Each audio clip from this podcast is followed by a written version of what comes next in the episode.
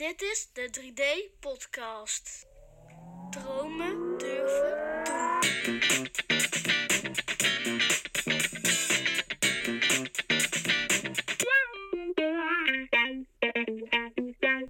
Welkom bij weer een nieuwe aflevering van 3D Podcast. Mijn naam is Frank Kiemenij en dit is episode nummer 12. Ja, vandaag eh, ga ik in gesprek met een vrouw die al een behoorlijke ontwikkelingsreis achter de rug heeft.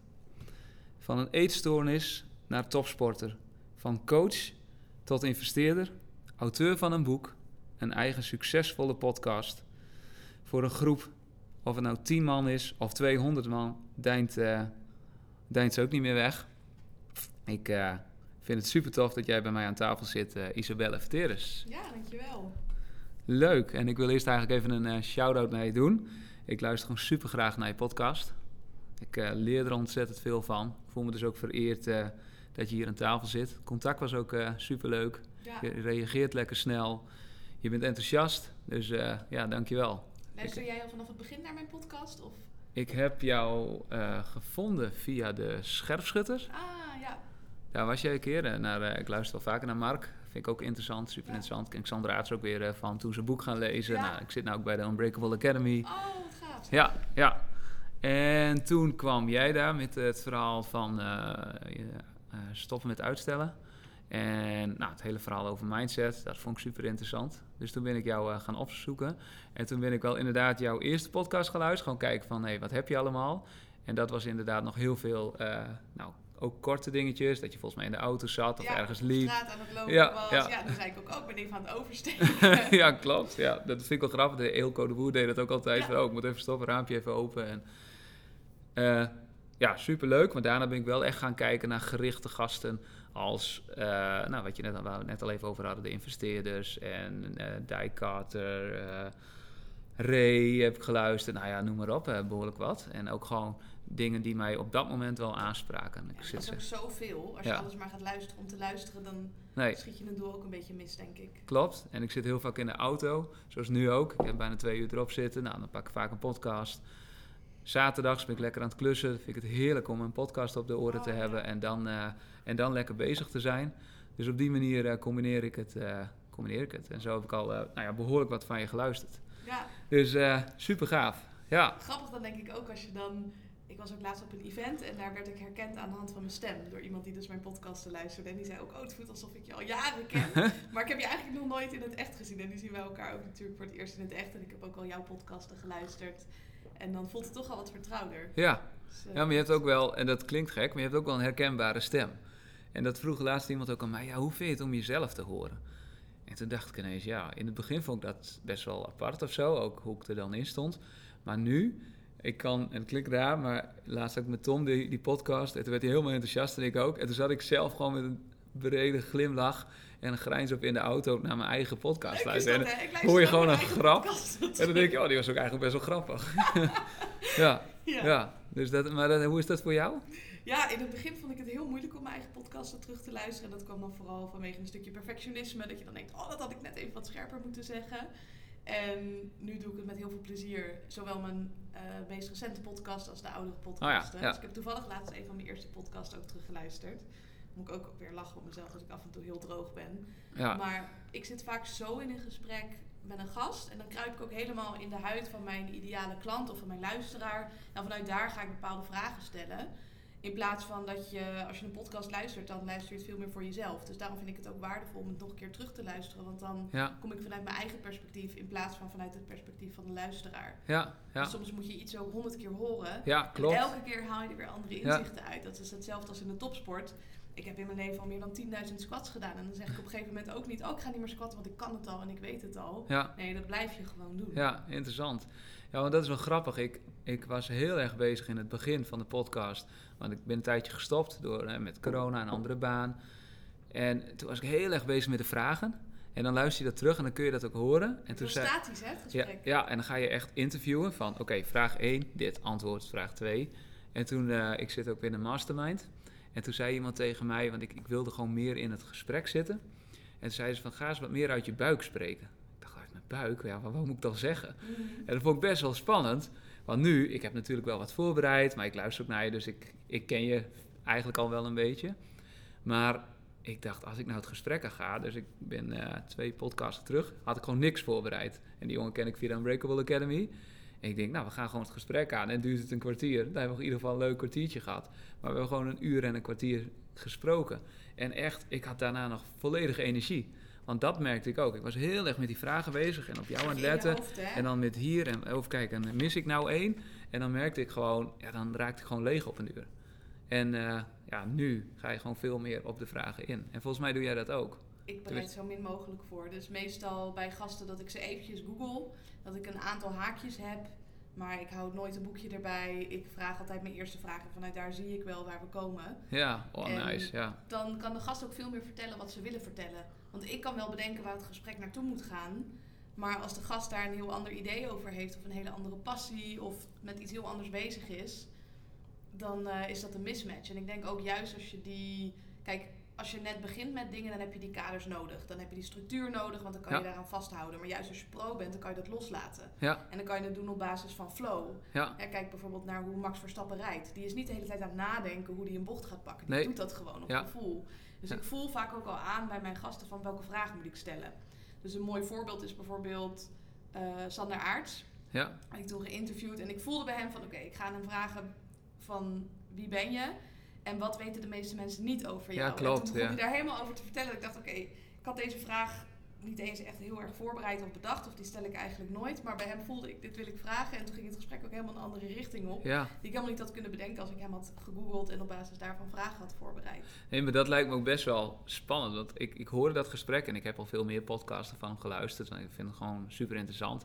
Maar als je, als je over hem leest, dan denk je van dit is echt een badass. Daar moet je echt voor oppassen, om het zo te zeggen. En heel hard getraind. En, en dan heb je zo'n gesprek en dan denk ik, huh, waar is die, die zwaar getrainde militair nou? Die ineens vertelt openheid en over persoonlijke ontwikkeling. En een stuk wat hij helemaal nog niet kende en, en zich open wil stellen met zijn zoontje en familie. Je denkt, dat is zo niet het beeld wat je hebt van zo'n zo'n marinier. Klopt. En Maar ik zo het mooi. dus in mijn podcast dat mensen heel open zijn. En dan Ja. ineens allemaal dingen vertellen. Ja. Soms zelfs achteraf zeggen, joh, wil je dat eruit knippen? Want ik was net iets te open bij je. Maar ja. Dat, dat vind ik altijd ook wel een compliment. En dat het hele mooie gesprekken ook oplevert. Ja, gaaf. Ja. Hey, eh, de eerste vraag. We gaan toch even uit het boek. Ja, ik begin altijd mijn podcast. Het is eh, dromen durven doen. Ja. Eh, wat was jouw droom als klein meisje? Ik wilde heel graag piloot worden. Piloot. Piloot, ja. Het leek mij fantastisch om heel veel geld te verdienen. En de hele wereld te kunnen zien. Goeie Dus combi. Toen dacht ik, volgens mij moet ik piloot worden. Achteraf gezien ben ik heel blij dat ik dat niet geworden ben. Want ik denk dat ik dat wilde voor de verkeerde redenen. Maar Ja, dat was mijn grote droom en, en de stip op de horizon. interessant. En het reizen, heb je dat nog wel in je? Ja, zeker. Ik ben toevallig nu net twee maanden terug uit Mexico. Daar ben ik Ja. een maand geweest. Met je zusje toch? Of naar je Eh, zusje toe? Ja, naar mijn zusje toe. Haar ook weer meegenomen naar Nederland. Want zij heeft daar een jaar gereisd. En ik ben meestal een paar maanden in Nederland. En dan een maand weer in het buitenland. Om aan mijn bedrijf te werken. Maar ook om lekker rust te nemen. In het zonnetje te zijn. Ik denk dat ik einde van de maand heb ik een weekje vakantie. Ga ik wandelen ergens in Duitsland of België. En ik denk na de zomer dat ik ook weer eh, de zon op ga zoeken. Lekker. Dus dat reizen zit er zeker nog in. Ja. Dus eh, niet achter het, eh, in de cockpit, maar gewoon lekker een stoeltje Lekker erachter. in eh. business class. En dan ja. ook langer ergens zijn. Want als ik nu ook zo terugkijk. Mijn moeder die is stewardess geweest. Ah, Ehm, Kwam daar het piloot zijn ook een beetje Ja, vandaan dan? het leek mij prachtig om ook samen te kunnen vliegen. Het is een mooie droom. Maar het is super ongezond. Want je bent constant aan het switchen van je ritme. En als Ja. topsporter weet ik hoe belangrijk je ritme is. Je hebt een andere temperaturen, je hebt een ander tijdschema, een ander eetschema.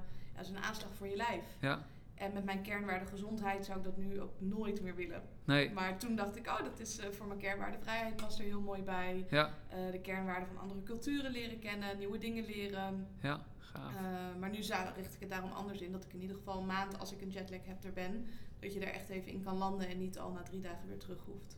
En heb je je werk zo ingeregeld dat je dat dan ook kan doen? Dat je Ja. gewoon ook een maand eh, en dan kun je vanaf daar ook gewoon eh, prima nog je geld verdienen? Zeker, zeker. Ja, ik eh, werk veel offline ook met mijn klanten, maar heb het wel zo ingericht dat het ook online kan. Dus dat ik ze kan bellen, appen, noem het maar op. En dan plan ik de offline momenten daaromheen. Ja, oh heerlijk. Ja, Hey, hoe ben jij opgevoed? Je zegt al, je moeder is stewardess.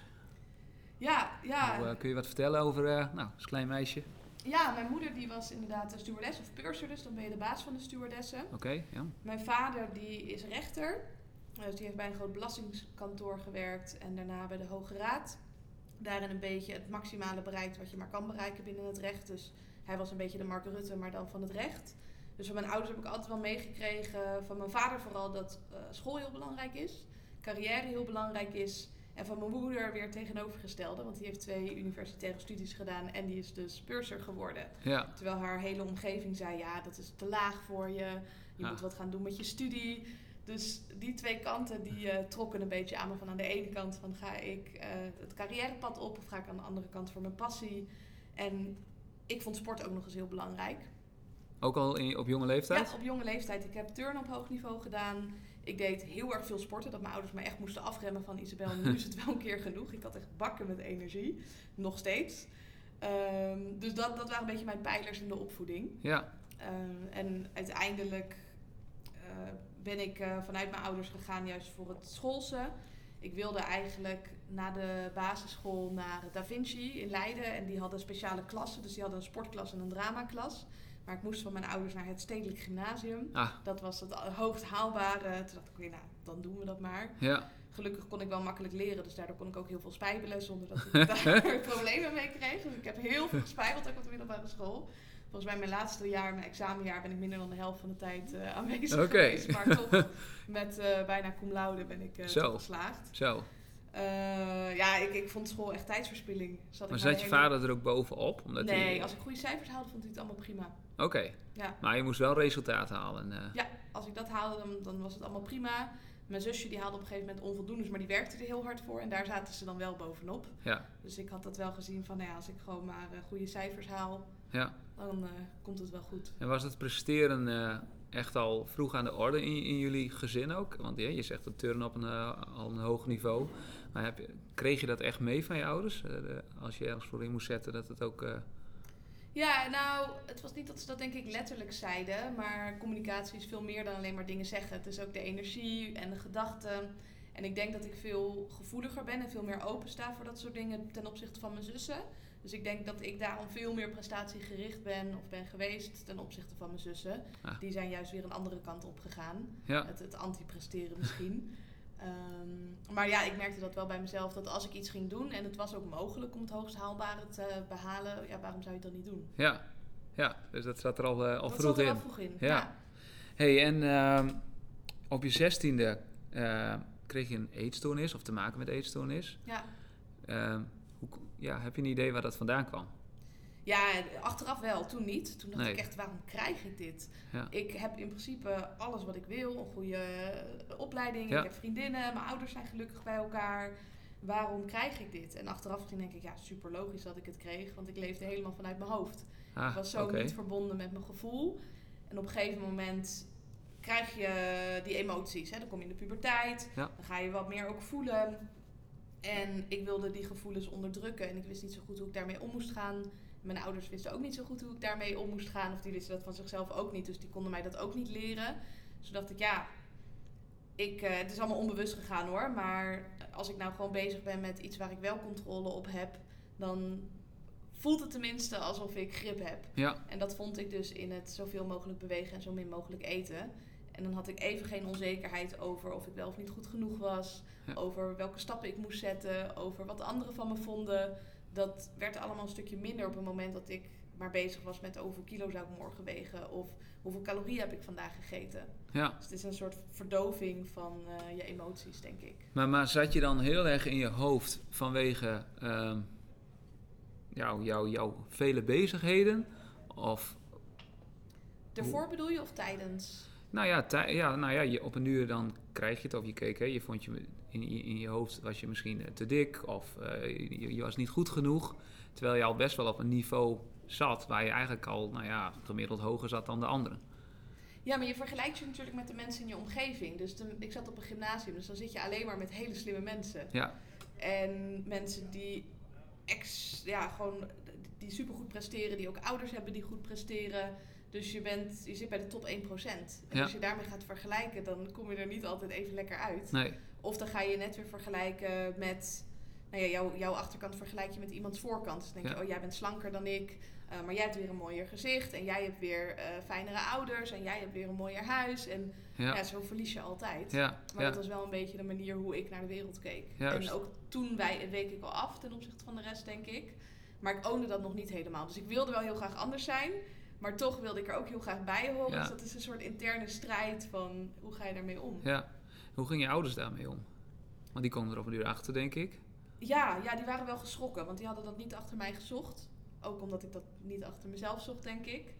Eh, mijn vader die ging vooral werken. Die stortte zich denk ik daarin. Ehm, snap ik ook, want dat geeft een stukje controle. Ja, En mijn moeder Afleiding. die, eh, ja, die vond het vreselijk. Die had geen controle en die wist niet zo goed wat ze moest doen. Dus die maakte zich vooral heel veel zorgen. ja, En dat is het interessante, want juist toen ik het mijn ouders had verteld... en juist toen ik in behandeling ging, voelde het weer alsof ik in controle was.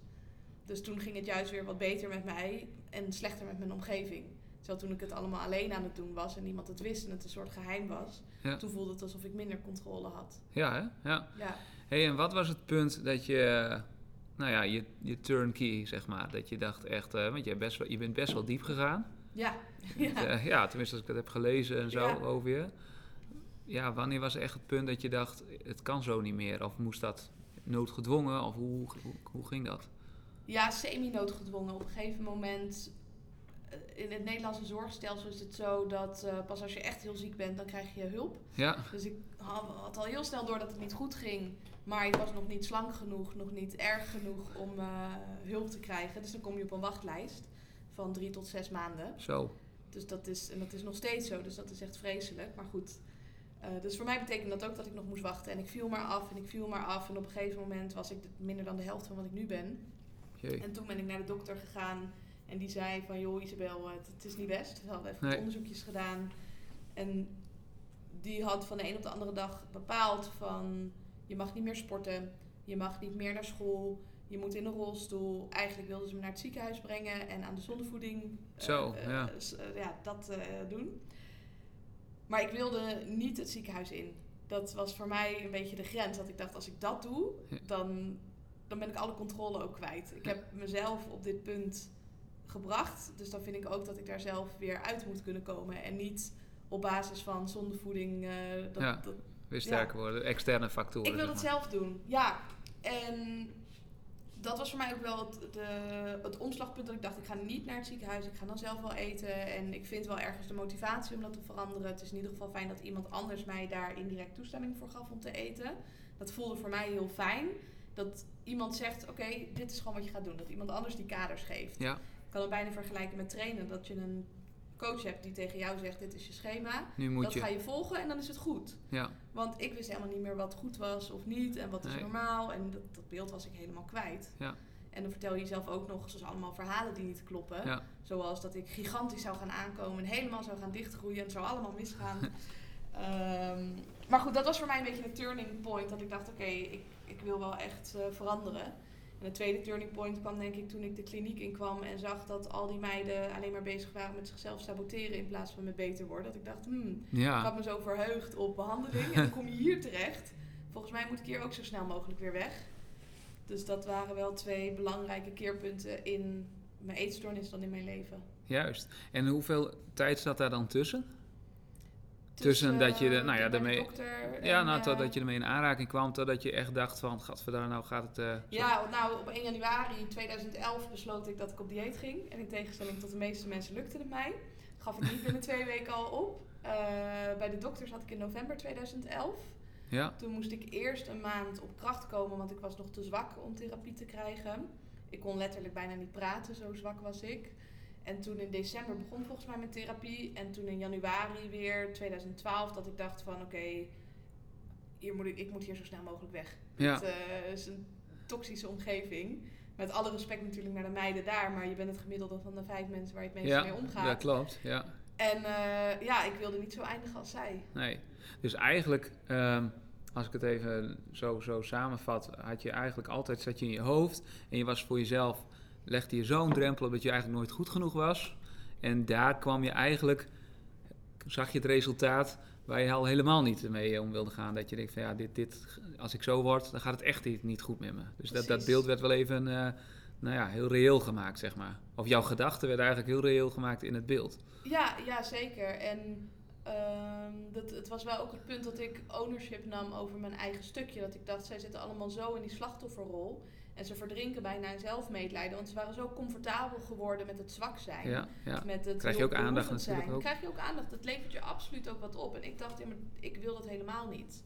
Ik wil juist groeien en ik wil mijn doelen bereiken. En toen wilde ik nog piloot worden. Dus ik wilde piloot worden. En ik wilde weer kunnen turnen. En ik wilde mijn vrienden weer kunnen zien. Ja, Dus dat gaf mij zo'n enorme drive. En dan merkte ik ook dat die mensen juist heel erg naar beneden konden halen als ze dat niet hadden. En dan had je aan het begin van de dag had je zo'n bespreking en dan moest je zeggen hoe het met je ging. en ik zei altijd, ja, het gaat hartstikke goed. Ik heb er weer zin in vandaag. En Ja. dan was de hele groep van, ja, ik heb er geen zin in. Ik voel me rot. ja, Ja, moest wegen. Ik ben in ons aangekomen. ja. Dat, eh, Hey, als er mensen zijn die dit, die, die dit luisteren, die, die er hiermee te maken hebben, gedachten hebben, of mensen kennen, een dochter, een, een zoon, of, wat zou je ze aanraden? Wat, is een, wat, wat is, zou een eerste tip zijn? Want Ja. jij, jouw ouders konden, hè, je vader dook zich weer in het werk. Lijkt me ook heel lastig als je een kind hebt die super zichzelf lastig. niet, want je kan zeggen, kom op en nou eet je bord leeg. Maar ja, jij, ziet, je, jij ziet die kilo's alweer aankomen. Wat, kun je, ja, wat zou wel helpend zijn? Ja, mensen denken vaak dat een eetstoornis over eten gaat. En het gaat helemaal niet over eten. Net zoals dat een verslaving aan alcohol of drugs gaat niet over alcohol of drugs. Nee, Dus je kan wel tegen iemand zeggen, je mag niet meer drinken, maar dat werkt niet. En je kan ook tegen iemand zeggen, oh nou ga maar lekker drinken, kijk maar wat je doet, maar dat werkt ook niet. Het gaat veel meer over die achterliggende dingen. En ik denk dat daar veel meer over gepraat mag worden. Dus dat, het had mij al heel erg geholpen als iemand al in een eerder stadium tegen mij had gezegd van, Isabelle gaat het wel goed met je? Ja. Of ik heb het idee dat het niet zo goed met je gaat, vertel. Ja. En dat je over dat soort dingen gaat praten. Of als je er zelf tegenaan loopt, dat je, hoe moeilijk het ook is, neem bijvoorbeeld iemand in vertrouwen die, je, die dichtbij je staat, maar dat je zegt van, het, het gaat gewoon niet zo lekker met me. En dat eten daar een uiting van is, dat is secundair. precies. Dat is Ook al ben je op het randje van de dood, het is alsnog secundair. Het is een uiting van alle andere dingen waar je mee struggelt. En Ja. ga het met elkaar hebben waar het echt over gaat. Ja, mooi. Nou, ik denk dat dat een hele mooie tip eh, als eerste wel is. Ja, Ja. dankjewel. hey, en eh, ja, daar was de turning key. En toen dacht eh Isabel, ik ga er meer de topsport in. Ja, daar Waarom? heb ik nog wel even tussen gezeten hoor. Ik was denk ik 17 toen ik uit de kliniek mocht. Ja? En ik was 23 toen ik op het EK en WK stond. Dus Ja, daar maar- heeft eh, nog een bepaalde periode tussen gezeten. Maar die topsport, waarom? Waarom wilde, wilde je topsport? Ik had als klein meisje naast de droom om piloot te worden, de droom om een sterk onafhankelijke vrouw te worden. En ik denk dat piloot daar ook op een bepaalde manier bij paste. Maar Ja, dat straalt wel wat uit, zo'n vrouw in Ja, zo'n? Boeing Dat vond ik 777 heel dan gaaf, uit het raampje ja. zelf. Ik hoopte ook dat KLM een A380 zou kopen en dat ik daarin mocht vliegen. Maar ik denk niet dat dat gaat komen. Ehm, maar goed, op een gegeven moment op mijn 17e kwam ik uit de kliniek. Ik kwam erachter dat ik niet de enige was met een slechte mindset, maar dat bijna iedereen dat had. Dat ook mijn leeftijdsgenoten die geen eetstoornis hadden zich heel druk maakten om hun gewicht, om de mening van anderen, eh, perfectionistisch waren. Dus toen dacht ik, ja, van hen kan ik het ook niet gaan leren hoe je gelukkig wordt. En ik geloofde echt voor mezelf dat het mogelijk was om een hele sterke mindset te krijgen en nooit meer terug te vallen. Dus toen ben ik mijn mindset gaan trainen op allerlei verschillende manieren. Boeken gaan lezen, podcasten luisteren, coaches gaan zoeken, maar vooral ook in actie komen. En toen ik mijn mindset had getraind, dacht ik, ja, ik heb nu geen enkele reden meer om niet mijn dromen achterna te gaan. Toen dacht ik, ik wil onafhankelijk zijn en ik wil sterk zijn, maar onafhankelijk vond ik nog een beetje te spannend. Dus ik ging eerst voor dat stukje sterk. ja, Ik ging al naar de sportschool. Ik had al een keertje voor de grap meegedaan aan een powerliftwedstrijd. En ik bleek daar verdomd goed in te zijn. Maar ik durfde er niet 100% voor te gaan. oké. Want de mening van anderen, hè, dan Ja, worden je spierballen heel groot. Mijn ouders waren bang dat ik terug zou vallen. Want het is een sport met gewichtsklassen. Ja. Waar ook behoorlijk op wordt gelet. Ook Ehm, dieet. Diëten ja. inderdaad, strenge schema's. En toch besloten van, ik denk dat ik dit wel aan kan. Dus toen had ik als doel gesteld, ik wil in ieder geval meedoen met een WK of met een EK. En toen had ik me gekwalificeerd en toen dacht ik, verrek, het is gewoon mogelijk om daar een medaille te winnen. In ieder geval op een onderdeel. En toen ik eenmaal er was op het WK, toen bleek dat het mogelijk was om overal ook een eh, medaille te krijgen. Dus uiteindelijk ben ik met twee medailles van het WK weggegaan. En met drie medailles van het EK, waarvan één gouden. Zo, Dus daarin echt mijn eigen verwachtingen overtroffen. Dat had ik van tevoren nooit kunnen bedenken. nee. Dus dat is in vogelvlucht hoe dat eh, Ja, is gaaf. Had je toen al werk?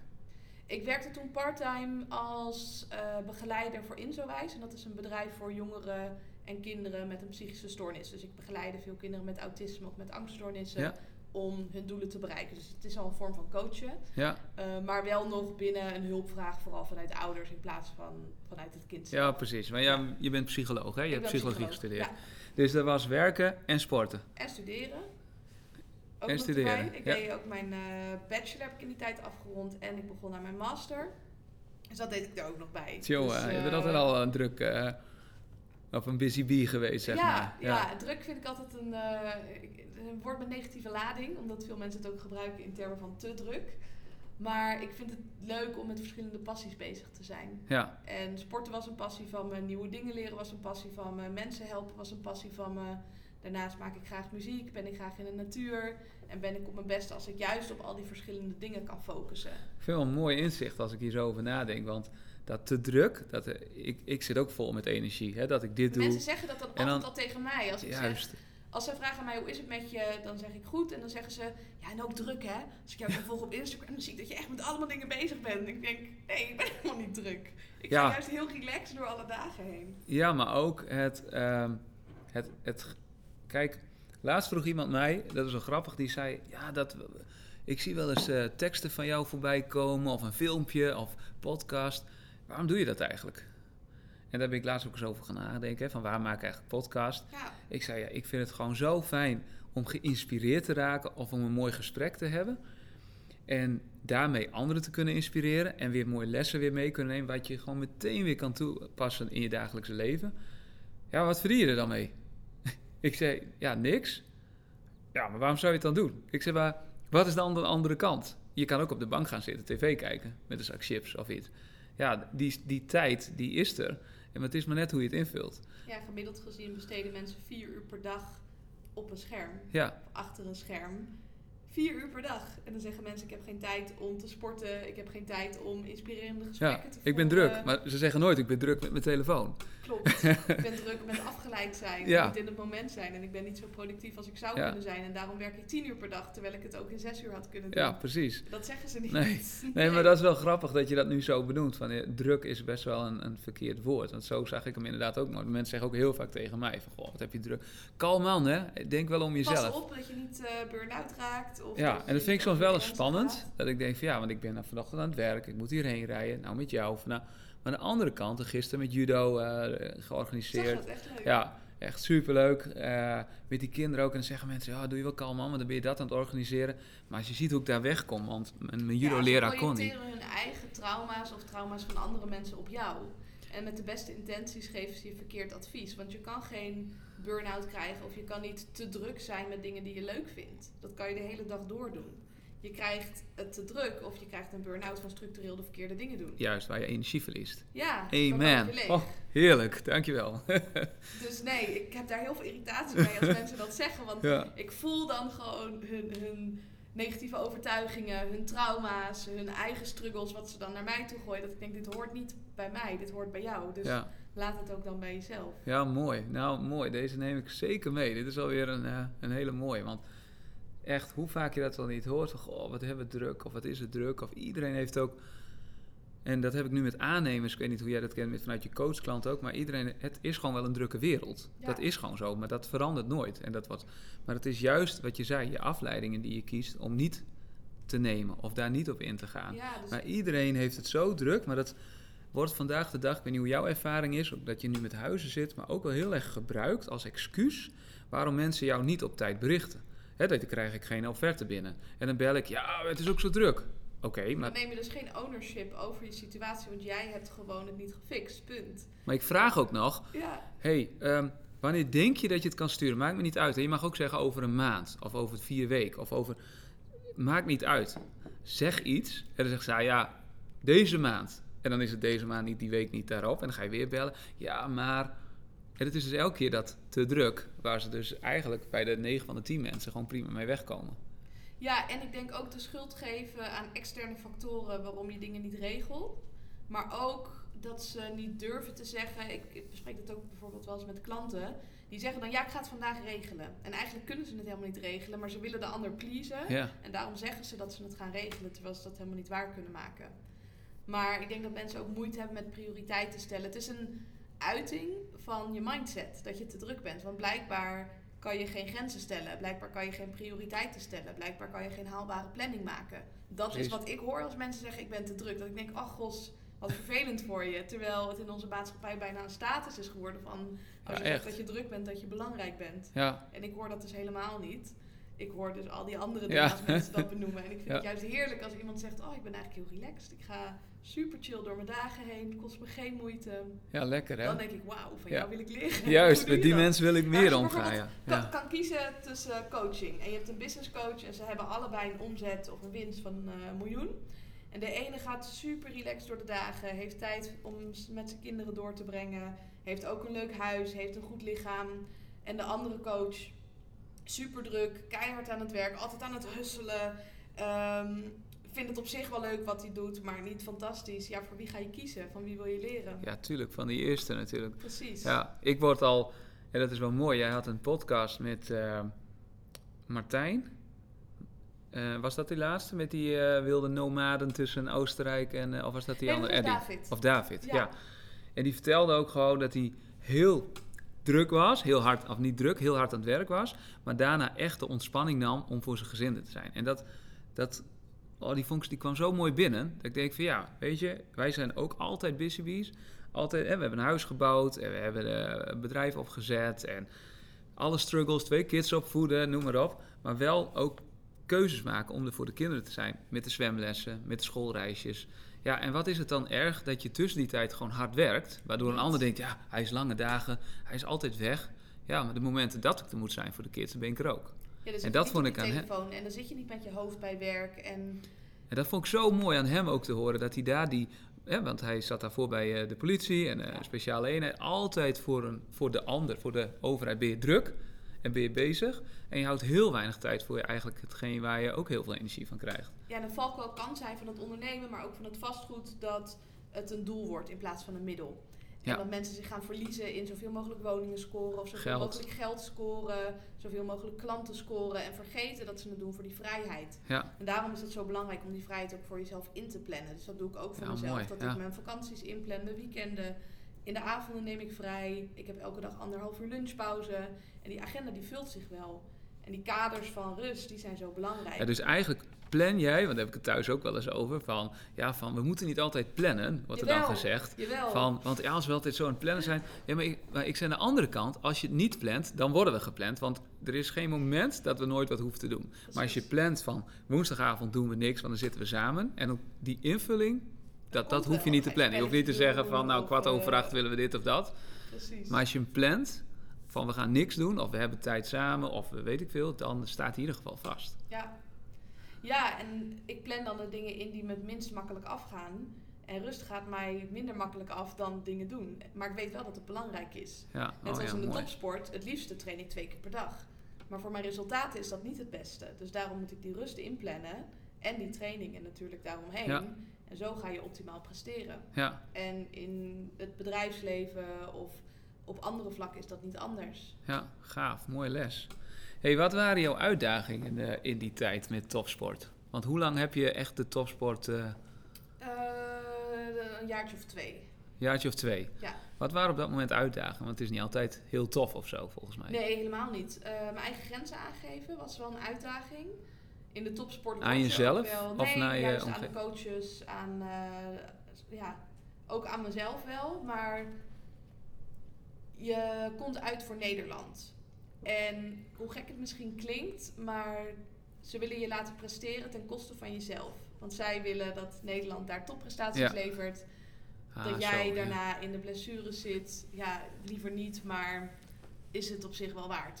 Ja, Topsport is natuurlijk ook niet gezond. Dus Nee, ik moest klopt. heel streng mijn grens ook aangeven aan de coaches. Dat als zij zeiden, ja Isabel, dit ga je liften. Dat ik zei, nou, mooi niet. Dat Nee. gaan we dus niet doen. Nee. Dit, eh, ik weet van mezelf dat ik dat niet kan. Je wil het risico nemen om dan eh, die medaille te behalen. Maar dat gaan we niet doen. Nee. Dus die grenzen aangeven, dat was voor mij heel belangrijk. Ook naar mijn coaches, naar de schema's toe die ik kreeg. Op een gegeven moment had ik een schema, dat, dat was echt... eh, Als je bepaalde middelen gebruikt, dan was het misschien haalbaar. Voor mij was het niet haalbaar. Dus een aantal keren die grenzen naar die coach aangegeven. En toen uiteindelijk ook de samenwerking opgezegd. Want Zo, dat werkte ja. niet voor mij. Maar dat vond ik wel spannend om te doen. Om Ja. echt dan te zeggen van dit is mijn grens en tot hier en niet verder. Dus dat heb ik er wel echt van geleerd. En dat was wel een uitdaging. En daar net iets lang mee doorgegaan. Maar daar leer je natuurlijk ook weer Ja, van. ja, En daarnaast de uitdaging om al die ballen hoog te houden. Ja. Van de sport, mijn werk, mijn studie. Ik had ook een relatie. Mijn moeder was in die tijd ook wel ziek. Dus ik hielp ook mee om mijn moeder te verzorgen. ja. Zoveel ballen die je dan hoog moet houden. En daarnaast was ik ook wel bezig nog met afvallen, want je moet in een bepaalde gewichtsklasse passen. En het is net wat voordeliger om in de gewichtsklasse lager te vallen, want dan kan je meer kilo's stillen. Dus ook weer streng bezig met diëten. Dus ik merkte dat dat me ook wel veel headspace kostte. En dat Ja. ik toen misschien net iets te veel in mijn hoofd leefde en te weinig bezig was met voelen en aanwezig zijn. Ja. Dus dat, eh, daar heb je wel heel veel van geleerd, wat je nu weer juist heel erg toepast. Heel erg, ja. Ja. Ook wat ik niet wil. Want uiteindelijk als ik zo terugkijk, ik ben heel blij met de prestatie, maar het maakte me niet gelukkig. Nee, ook wel meer, weer eh, bijzonder eigenlijk, hè? Want dan, ja, je, je droomt ervan sterke vrouw en je ziet ook mensen op tv en je ziet je de dat topsport, denk je dat altijd wil. van, wow, dat, dat, we willen allemaal Rico Verhoeven zijn, of we willen allemaal het Maar lichaam willen ook hebben. niet echt zijn. Maar dat, er zit dus Dat- altijd wel wat achter, Ja. of wat onder of zo. Ja, als ik zo terugkijk, dat ik net zoals met piloot, soms wil je dat ook voor de verkeerde redenen. Om je te Ja. bewijzen, bijvoorbeeld naar je ouders Ja. toe of naar de buitenwereld of om het meetbaar te maken. Ja. Terwijl je er helemaal niet gelukkig van wordt. Net als Rico Verhoeven. Ik denk dat weinig mensen gelukkig worden dat hun hele gezicht. Ja, juist. Zo'n beuk op je gezicht. Precies. Eentje wil je misschien een keer meemaken voor iets, waarin zo'n hele wedstrijd eh, helemaal in elkaar Iedereen gebeukt wil het wordt. eindresultaat, maar niemand is bereid om de weg ernaartoe af Nee. te leggen. En zeker Rico Verhoeven is daar een mooi voorbeeld van, of een Max Verstappen. Ja. Maar uiteindelijk worden weinig mensen gelukkig van in je eentje op een hotelkamer zitten, in elkaar gebeukt worden, overbelast raken, zo hard moeten trainen, Ja. zoveel shit ook over je heen krijgen. Ja. Dat heb ik al eh, in een eh, documentaire met Armin van Buren. Heb ik, eh, vertelde hij dat ook. Hè? Van, ik bedoel, ja, die gast die heeft gewoon een aanzien. Dat is niet normaal. Maar alleen als hij er staat. Wat hij zegt ook, altijd als ik opkom, er staan gewoon duizenden mensen voor mij te juichen. En vrouwen die vooraan van alles gooien. En je wordt Mhm. helemaal geadoreerd. Maar hij zegt, als ik op een hotelkamer kom, dan is er niemand. En dan is de enige wie die heeft. En dan zit hij vaak ook nog in ontijden. Dat hij ze thuis niet kan bellen. Maar dan zegt hij, ja, kan ik een keer video bellen met me thuis of met mijn manager. Maar voor de rest niet. En dan voelt het heel, eigenlijk is het heel alleen. Dus het, zo tof is het niet altijd. Nee, en ook als je op zo'n podium staat, mensen denken dat ze je heel tof vinden, maar ze kennen je helemaal niet. Dus het is de muziek die het zo gaaf maakt. Hoe zij zich voelen, dat adoreren ze. Het gaat niet om jou, het gaat om hen zelf. Precies, Dus ja. dat maakt het des te eenzamer. Ja. En ik denk ook hoe meer je aan de top komt, hoe eenzamer het wordt. Ja. Want die mensen die plaatsen zichzelf dus al lager dan jij. Dus ze, ze adoreren je, dus ze plaatsen je op een voetstuk. Ja. Waardoor het al onmogelijk is om met ze te verbinden. Ja. Ed Sheeran zei dat ook, hè? Tegen die, eh, hoe heet die gast die in die auto altijd met ze, eh, dan gaat hij een stukje zingen met ze. En Oh, ja, James bedoelt. Corden. Ja, En die eh, Ed Sheeran zei ook van, op die had hij helemaal geen telefoon meer bij hem. Want er was nooit iemand, hij kreeg alleen maar appjes waar hij heen moest, wat hij moest doen. Maar nooit iemand die zei van, hé, hey, net wat jij dus zegt, hoe is het met je? ja, Hoe gaat het? Hoe voel je? precies. Waarbij het om hem gaat en niet om de muziek of wat hij moet doen Precies. of whatever. En daarom denk ik dat er ook best wel veel problemen in de topsport, in de showbiz zijn met mensen, net drugs en, en omdat dat altijd, het gaat altijd om het resultaat wat jij levert, maar niet om de Isabelle van, goh, Nee, je bent meer machine. hoe is het, eh, hoe is het met je? Ja, ja. hey, wat is volgens jou, want jij hebt een, eh, een boek geschreven, Ja. je hebt een podcast, maar je hebt het altijd over topsportmentaliteit. Wat is voor jou topsportmentaliteit? ja, ik denk dat dat niet is hoe de meeste topsporters het doen. Voor mij is de topsportmentaliteit ook dat je een goede balans hebt tussen spanning en ontspanning. Zodat je ook niet geblesseerd raakt en kan blijven gaan. Het is niet moeilijk om één keer kampioen te worden, maar het is moeilijker om kampioen te blijven. Om consistent je doelen te blijven behalen zonder dat je dus geblesseerd raakt. Dus dat je daarin een goede balans hebt. En dat je ook een goede balans hebt tussen eh, in je hoofdleven en in je lijfleven. Soms moet je gewoon even in je hoofd zitten, je gevoel uitschakelen en gaan. Ja. Maar daarna moet er ook wel weer ruimte zijn voor die ontlading en het vertrouwen op je intuïtie. En op basis daarvan je doelen bereiken. Ja, Ehm, maar ook op verschillende pijlers goed scoren. Dus niet alleen maar op het gebied van je lijf, maar ook financieel, relationeel, spiritueel, mentaal vlak. Want als dat niet in balans is, dan gaat het uiteindelijk allemaal omvallen. Dus als je als sporter alleen maar op je sport focust, maar niet op het financiële vlak, je komt in de schulden terecht, je hebt daar heel veel stress van, dan gaat dat vroeg of laat ook effect hebben op je sportprestaties. Ja. Dus daarom als mensen met mij werken, focussen we op juist al die pijlers om die in balans te houden, zodat je kan blijven gaan. Maar ik vind hem ook wel. ehm, wel grappig, of wel grappig, ik, ik moest daar ook even over nadenken. Want je zegt het topsportmentaliteit. Maar ik, ik refereer hem steeds met de sport, omdat jij dat ook hebt gedaan. Maar jij interviewt ook heel veel gewoon zakenmensen. Ja, die eigenlijk geen sport hoe- nee, in het ondernemerschap. Ja, Dus ik coach zelf ondernemers om die mindset te krijgen om in actie te komen en te stoppen met uitstellen. En dat ze de dingen gaan doen waarvan ze weten dat ze het moeten doen, maar ze doen het niet. ja, En dan ben ik altijd heel erg benieuwd, hoe zit het nou met mensen die topprestaties leveren? En ik heb psychologie gestudeerd en daarbij leer je heel veel over zieke mensen of over gemiddelde mensen. Maar niet over mensen die aan de andere kant afwijken, dus die op de positieve manier afwijken. Daar Ja. leren we niks over. Dus ik vond dat heel interessant om te kijken van wat onderscheidt hen nou van de rest? Hoe kan het dat zij zo succesvol zijn? ja, ja. Is dat toeval? Is dat geluk? Is dat dat ze eh, dingen van hun ouders mee hebben gekregen? Nou, ik kwam er dus achter dat dat veel meer met het mentale vlak te maken heeft dan al die andere dingen die er vaak aan worden toegeschreven. Ja. ja, dat is wel gaaf. En dat kun je wel weer terughalen naar een topsporter. Want die moet eigenlijk op al die elementen, waar ik van soms wel afvraag of het ook op alle elementen is. Hè? Want je zegt wel een stukje relationeel, een stukje nou, lichaam vaak wel.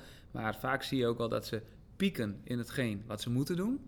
Maar daar zit eigenlijk, als, jij, als ik hem zo naar jouw verhaal ook breder trek, eigenlijk nog veel meer aan vast. Je kan nog veel, ik denk dat heel veel topsporters nog heel veel winst kunnen behalen door op het mentale vlak te focussen. Ja, Dus de sporters die ik interview, die hebben dat gedaan.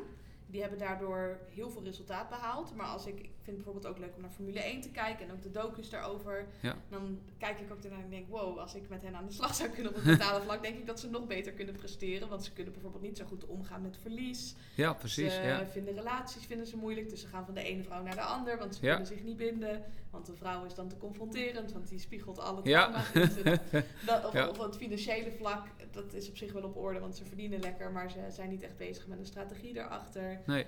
Dus ik denk dat ze daarin nog eh, veel kunnen bereiken. En je ziet dat gelukkig wel steeds meer in de Nederlandse wereld ook terug. Voetballers die bezig zijn met investeren en die daar ook in worden meegenomen. Of in een stukje opleiding voor wat ga je Ja, en ook sport. coaching of zo wel volgens mij. Hè? Want het is alleen niet op tv, maar je ziet het ook heel vaak met jonge voetballers. Hè? Ze verdienen van een, gewoon een Albert Heijn baantje naar in één keer topsport. En in de voetbal is dat helemaal gekke werk. Ja, En, miljoenen. dus dan krijgen ze ineens miljoenen en zijn ineens bekend.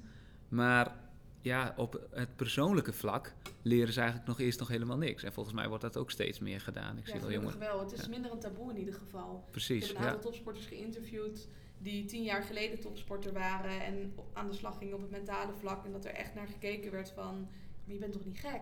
Je bent toch niet ziek? Waarom ga je dan met het mentale vlak aan de slag? Ja, ja, Maar toen ze het eenmaal gingen doen, dat ze zulke goede prestaties gingen behalen, dat nog meer mensen het gingen doen. En gelukkig is nu die trend er dat ja, zowel topsporters het doen, ondernemers, als mensen die in loondienst werken.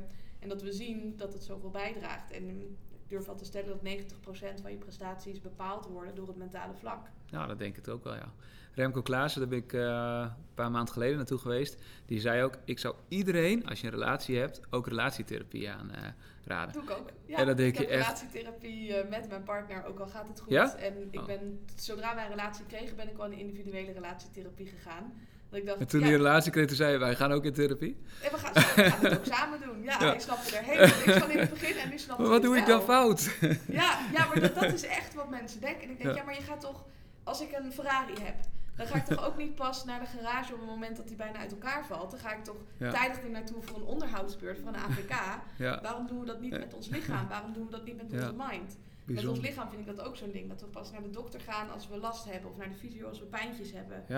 Nou, daarvoor zit ik er al, eh Ja. ben ik er al ja, bijzonder, maar dat is precies wat je zegt. En uit die omgeving kom ik ook heel erg, weet je wel. Kijk, als je het over hebt, therapie. Nou, eh, Esther en ik doen beide heel veel aan persoonlijke ontwikkeling. Dus min of meer doen we al therapie, hè? beide. eh, Veel Ja. gesprekken, luister, veel boeken. En zij is veel mee bezig, ook met, ook met teamcoaching. En ze heeft nou dat boek Fontein, die ken je misschien wel. Els. Ja, en eh, nou, heel veel dingen lezen daar. En daarin ga je die patronen bespreken. Van, goh, zit het dan bij jouw familie, bij mijn familie? Hey, vandaar dat wij soms zo op elkaar acteren of zo. Dus daar zijn we eigenlijk al heel veel mee bezig. Terwijl je andere stellen inderdaad ziet, die leven gewoon hun leven. Het is werk, het is kids. En die denken ook, ja, jeetje, waar zal je zo druk over maken? Ja, doe eens normaal. En dan kun je aan één kant denken, ja, dat is ook zo. Maar op een of andere manier kom je dan ook nooit een level dieper. Of als het dan misgaat, dan clasht het ook zo. Dat ze ook denken van, joh, waar komt dit? eh, Hoezo eh, doe je dit ineens? Ja, en op een gegeven moment als je aan de slag gaat met persoonlijke ontwikkeling, dan kan je ook niet meer terug. Nee, daar ben ik ook achter. dat was wel een hele spannende. Voor mezelf vond ik dat. Want Dat, dat heeft iemand ooit eens tegen mij gezegd. Als je daarmee begint, kun je niet meer terug. Toen dacht ik echt zo, hoezo dan? Stop ik er gewoon mee. Maar ik merkte zo dat ik een andere uh, verenkeling vinden. En een ander zelf, maar ook heel anders naar mensen keken. Net wat je, je zelf... een andere standaard hebben voor de mensen ook in je omgeving. en daar Oh, koos ik echt? vandaag wat over. Dat je dan mensen moet gaan loslaten. Nou, dat ook. pijn dat ook doet. En dat is best moeilijk hoor. Dat is heel moeilijk. Maar je, het kan niet meer anders. Maar je komt ook op verjaardagen en dan ga je met mensen in gesprek. En dan gaat het dus of te druk, of over corona, of over, over eh, geldcrisis. slecht, of over eh, dit. En alleen maar over oorlog, boeren en alleen maar van, ja, wat vind jij dan? Ik werd laatst ook gevraagd, ja, wat vind jij nou van de politiek? Ik weet het Volg echt niet. nieuws. Ik weet het echt niet. Ik, nee, sorry. Ik zei misschien heel slecht, maar ik volg daar helemaal niks van. Nee. Tuurlijk, als er verkiezingen komen, lees ik even gauw een, of ik doe zo'n testje zelf even, dat ik denk, oh, dit is voor mij belangrijk. En dan kom ik op die partij uit. Nou, oké, prima, dan stem ik daar wel voor of zo. En ik volg wel eens wat BNR ochtends, dat ik denk, ja, ik wil over wat bepaalde dingen wel een beetje kennis hebben. Maar verder helemaal niet. Ik zei het laatst tegen mijn zoon ook. Ik zei, kom, we gaan RTL 4 nieuws aanzetten. Ik zei, dan gaan we de eerste kwartier gaan we kijken hoeveel positief nieuws hieruit komt. Ja. Nou, er was heen neergeschoten. Eh, er was een, eh, vulk, of een eh, lawine was er gebeurd. En de boerenprotest. En hij zegt tegen mij, dit is alleen maar negativiteit. Ik zeg, ja, En daar precies. worden mensen mee wakker, hè? Wow, Zodra mensen opstaan... doen die swipen meteen Ja. naar nu. Ik heb een vriendje gehad. Dat was mijn eerste vriendje. En als we dan 's ochtends samen wakker werden, dan zette hij meteen het nieuws aan. Het lang stand gehouden. Want het was echt... eh, ja, dan begin je dus al met negativiteit. Ja, En dan gaan mensen ook nog eens het nieuws drie keer kijken. ja. En vervolgens gaan we naar Facebook en dan kijken we op Dumpert. Ja, nu.nl checken we de hele dag door. Ja, Instagram komt dan weer nieuws voorbij. Echt. Nou ja, dus dat, eh, nee, dat doe ik niet. En daarom die persoonlijke ontwikkeling en de gesprekken, dat maak je toch wel een andere, andere persoon. Ik denk dat dat heel belangrijk is. En zo kwamen we er ook op van die topsportmentaliteit, dat dat een veel breder stukje is. Ik denk dat persoonlijke ontwikkeling, ken je Brandon Burchard ook? Ja, Een high performance coach, daar ben ik ook echt wel heel fan van. Maar die heeft, heeft het dan over zes high performance habits. Ja, en dat gaat niet alleen over geld verdienen, het gaat over energie en het gaat over courage. Hè. Je moet ook om iets te doen. Nou, dat was ook wel voor mij een ding. Hè. In gesprek gaan, iemand durven vragen van, joh, mag ik een keer met je lunchen? Vertel eens wat over je werk. Dat mensen eerst jou aankijken van, ja, hoezo dan? Laatst vroeg ik ook iemand, een manager, iets.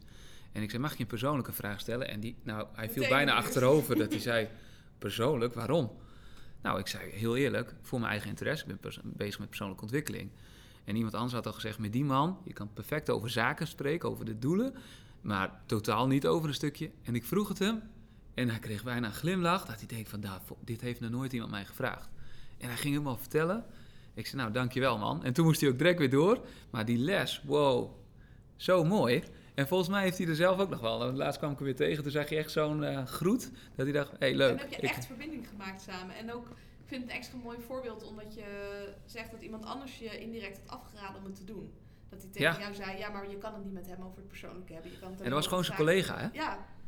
En toch heb je het wel gedaan. Ja. ja, maar ook dat. Maar ook, ik vind het zo bewonderingswaardig bijna... dat iemand die al bijvoorbeeld vijf jaar met die man werkt... alleen maar het gevoel heeft... ik kan het alleen maar met jou hebben over de agenda... over de afspraken en over het onderwerp waar we het over moeten hebben... en dan moeten we weer door. En nergens een moment van, joh... eh, hoe doe je dat eigenlijk allemaal, joh, die planning? Zo, zo. Maar dat vroeg ik dus ook. Ik zeg, god, hoe... Ik hoor dat jij van planning naar planning naar planning gaat. Ik zeg, hoe fix je dat? En kom je thuis niet helemaal... En eerst was het nee. En daarna was hij, nee, tuurlijk. Ik ben ook wel eens even dit. En dat ik dacht, oh, hé, hey, jij bent ook mens. Precies, precies. ja, dus dat was zo mooi. Ja, en dat maakt mensen juist mooi, dat ze hun imperfecties hebben. Toch? Waarom lezen mensen roddelbladen? Om te zien dat die sterren ook echt zijn en ook Eh. zonder make-up er niet uitzien. Ja, Of toch wel. relatieproblemen hebben of Ja. onzeker zijn. Of... hey, ik heb eh, nog een vraagje van... Jij hebt het boek Stoppen met uitstellen. Waarom stellen we eigenlijk uit? Want ik ben er ook wel een eh, topsporter in af en toe, hoor. Ja, ik denk ook een aantal jaar geleden, als daar kampioenschappen in waren geweest, dan had ik goud gewonnen. Maar we stellen om verschillende redenen uit, denk ik. Ik denk, heel veel mensen denken dat uitstelgedrag een teken is van luiheid. Dat we er geen zin in hebben, dat het laksheid is. En bij sommige mensen is dat zo. Maar ik denk bij de meeste mensen is het uitstelgedrag eerder een teken van perfectionisme.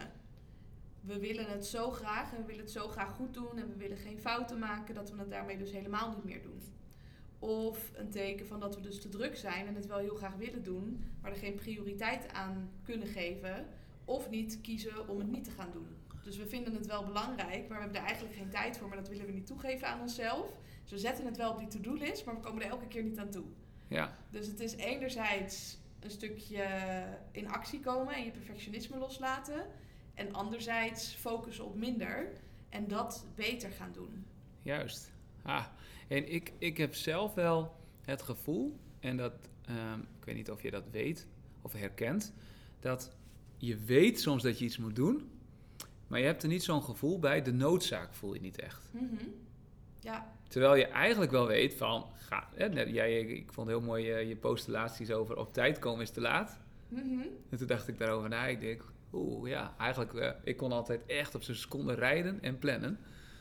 Ja, Maar- want als jij hier, we hebben hier natuurlijk afgesproken om half vier. Stel dat je hier half vier de parkeerplaats opgereden komt, dan ben je op tijd, maar dan ben je eigenlijk te laat. Want je moet nog je auto parkeren, je Ja, moet je spulletjes nog pakken, dan moet je misschien nog de ingang zoeken en dan ben je vijf minuten verder en dan ben je dus te laat. maar toch had ik, heb ik heel lang gehad, en ik, word er wel, ja, merk dat er steeds beter in wordt, maar ik nooit dat gevoel had van, nou moet ik echt weg. Terwijl als ik een keer echt te vroeg was, dan dacht ik echt, oh heerlijk. Want ik zag, ik kwam hier aanrijden en ik zie jou gewoon daar zitten, heerlijk in het zonnetje, even genieten. Ik denk, Ja. wauw, die is gewoon er klaar voor, maar die neemt nog even haar momentje. Terwijl de meeste mensen die zie je aankomen en die vergeten nog net niet de deur op slot te doen en eh, haast, hey, hoi, hoe is het? En, eh, maar hoe zorg je dat je dat gevoel hebt, eh, de noodzaak, hè? dus de noodzaak van hey, ik moet op tijd weg of ik moet voorbereiden, of, want hoe meer je voorbereidt, hoe beter het gesprek uiteindelijk gaat, of hoe meer je in het gesprek zit zonder te denken van shit, ik zit hier op hete kolen. Wat is jouw tip daarin? de pijn groter maken. Dus wat we vaak doen als we te laat komen, is dan gaan we ons excuseren. En dan zegt de ander ook nog wel eens tegen je, ah joh, het maakt niet uit. En daarmee gaan we dus goed praten voor onszelf. En dan komen we ermee weg. En omdat we ermee wegkomen, dan blijven we het doen. Maar we voelen ons er helemaal niet fijn bij. Maar dat gevoel gaan we onderdrukken. Ja. Ah, Mijn mooi. tip is, en ik had het hier ook laatst met een van mijn klanten over, die kwam ook net aan op tijd en daarmee dus te laat. Die ging zich excuseren naar mij en toen gaf ik ook aan hem terug van joh, het hoeft niet. Voel maar gewoon even wat je nu voelt. Hoe voel je nu nu je aankomt? Ja, ik voel me gestrest. Ik zeg oké, waar voel je dat? En dat je dat helemaal gaat analyseren, daar even stil bij staat. Ik zeg, is, is dit jouw standaard? Is dit hoe jij wil leven? Is dit hoe jij door je dagen wil gaan? Dus mijn tip voor de luisteraar, dit gevoel van weggaan, dat heb ik ook niet. Het is echt niet dat ik dan, als ik ochtends wakker word, het is bijvoorbeeld, ik word altijd rond 6 uur wakker, ik ga rond 8 uur de deur uit, dat ik dan voel om 8 uur nu moet ik gaan.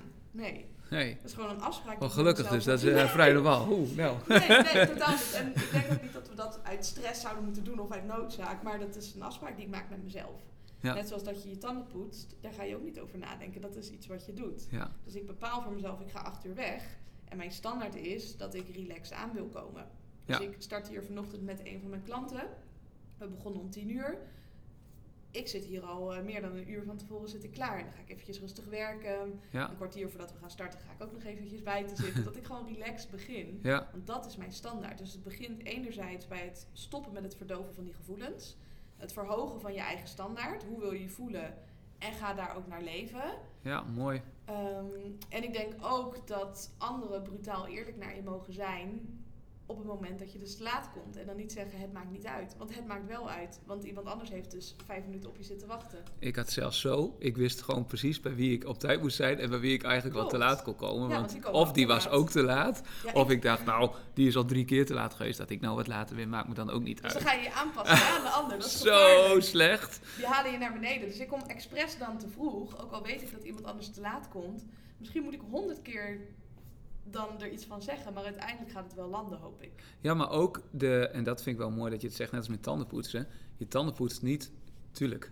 eh, in onze puberteit deed je het voor je, voor je, voor je nieuwe meisje of voor iemand Ja, anders. En uh, daarvoor voor je ouders. Ja. dat dat moest. Ja. Maar nu, nu doe je het gewoon omdat je een eigenwaarde hebt. En eigenlijk wat jij ook zegt, is dat je eigenwaarde zijn van ik wil gewoon altijd op tijd zijn. Of ik wil relaxed een meeting ingaan. ja, en daarvoor en moet als je je- op tijd komen. Juist. Te vroeg. Ja, En daarvoor moet je daar tijd voor inplannen. En ik denk ook veel mensen denken om terug te komen van... joh, voel je dan dat je weg moet gaan? Nee. Mensen denken dat ze vanuit motivatie in actie moeten komen. Maar dat is niet zo. nee. Je komt eerst in actie. Uiteindelijk voel je de motivatie om dat te blijven doen. Want dan denk je, oh wat relaxed. Ik ben Ja. super chill en het gaat goed. Dan heb je discipline nodig om door te zetten. Op een gegeven moment ga je gechallenged worden. Dan word je verleid om toch later weg te gaan. als je dat kan weerstaan, dan wordt het een gewoonte. Gaaf. Ja, gaaf. Mooi. hey, eh, we zijn eh, bijna al een uur verder. Ehm, coach. Jij bent coach. En daar heb je net al wat over verteld. Wat is je beste klant? Of wie is je beste klant? En dan niet eh, wie betaalt je het meest, maar welke klantcoach jij, type klantcoach jij het liefst? Ja, eh, ik coach veel startende ondernemers. Dus dat zijn zowel ondernemers die gaan switchen van bedrijf, of ondernemers die net starten met een nieuw bedrijf. Om dat zo goed mogelijk neer te zetten, maar ook om dat verder op te schalen. Dus een- het is vooral op het mentale vlak waarop ik coach, maar ook op het strategische vlak. En juist die combinatie is super waardevol. Wat ik al eerder benoemde, al die pijlers zijn belangrijk. Dus we gaan niet alleen maar op de business focussen. Want hoe je iets doet, is hoe je alles doet. Ja. We focussen ook op de relaties, op dat lijf, op je eigen mindset. Om zo die topprestaties te leveren. En dat is niet per se tientallen miljoenen omzet. Maar vooral het goede leven leven. Ja, En mooi. trainen voor de wedstrijd van het leven, zoals ik dat noem. Dat Ja. je 100 gaat worden, of misschien wel 120. En dat je dan nog je eigen veters kan strikken. En dat je dan ook nog cashflow op je rekening hebt. En dat je dan ook nog een fijne partner hebt. Want de business is ook een middel om jouw missie te bereiken, maar ook om een vrij leven te leven. Op de wedstrijd van je leven, die vind ik wel heel mooi. Ja, Dat is eigenlijk ook de topsport, de wedstrijd van je leven. Dus ja maar dan dat je hem veel langer uitspreidt. Want in de Ja. topsport werken we naar een wedstrijd toe voor over een jaar, max vier jaar als je het over de Olympische Spelen hebt. Maar we vergeten te focussen op de over jaren, 10 jaar, 20 juist. jaar, 30 jaar. Dus Ja. we maken allemaal keuzes die op korte termijn voldoening geven. Ja. Maar op lange termijn moeten we daar een hele hoge prijs voor betalen. Kijk bijvoorbeeld naar topsporters die in een rolstoel terechtkomen. Ja. Of heel veel overgewicht krijgen omdat ze bepaalde emotionele pro- problemen hebben. Ja. Ah, gaaf. Dus dat is waar ik ondernemers eh, mee help. En dan maakt het niet zoveel uit wat iemand doet. Meestal zijn het coaches die naar mij toe komen en van mij willen leren, maar ik heb ook andere type ondernemers die ik coach. Dus ik heb nu ook een ondernemer gecoacht die heeft een, een voedselproduct wat ze in de Albert Heijn verkopen, wat ze in de kiosken verkopen. Iemand die maakt gepersonaliseerde donuts. Eh dus Ha, nice. crypto-bedrijf ben ik ook aan het coachen. Dus het is redelijk breed daarin qua type klant. Maar ik heb veel coaches die naar mij toe komen. Ja. mooi. Hey, en de laatste vraag die ik eh, altijd eh, stel aan mensen, waar ik hem eigenlijk altijd mee afsluit. Welke tip heb jij naar iemand die zijn droom wil waarmaken of wil leven, najagen? Ja, mijn, eh, ik, ik dacht altijd dat je precies moest weten wat je wil voordat je in actie moet komen. Ja. Maar ik denk dat het belangrijker is om eerst in actie te komen en dan kom je er wel achter wa- wat je nou echt wil.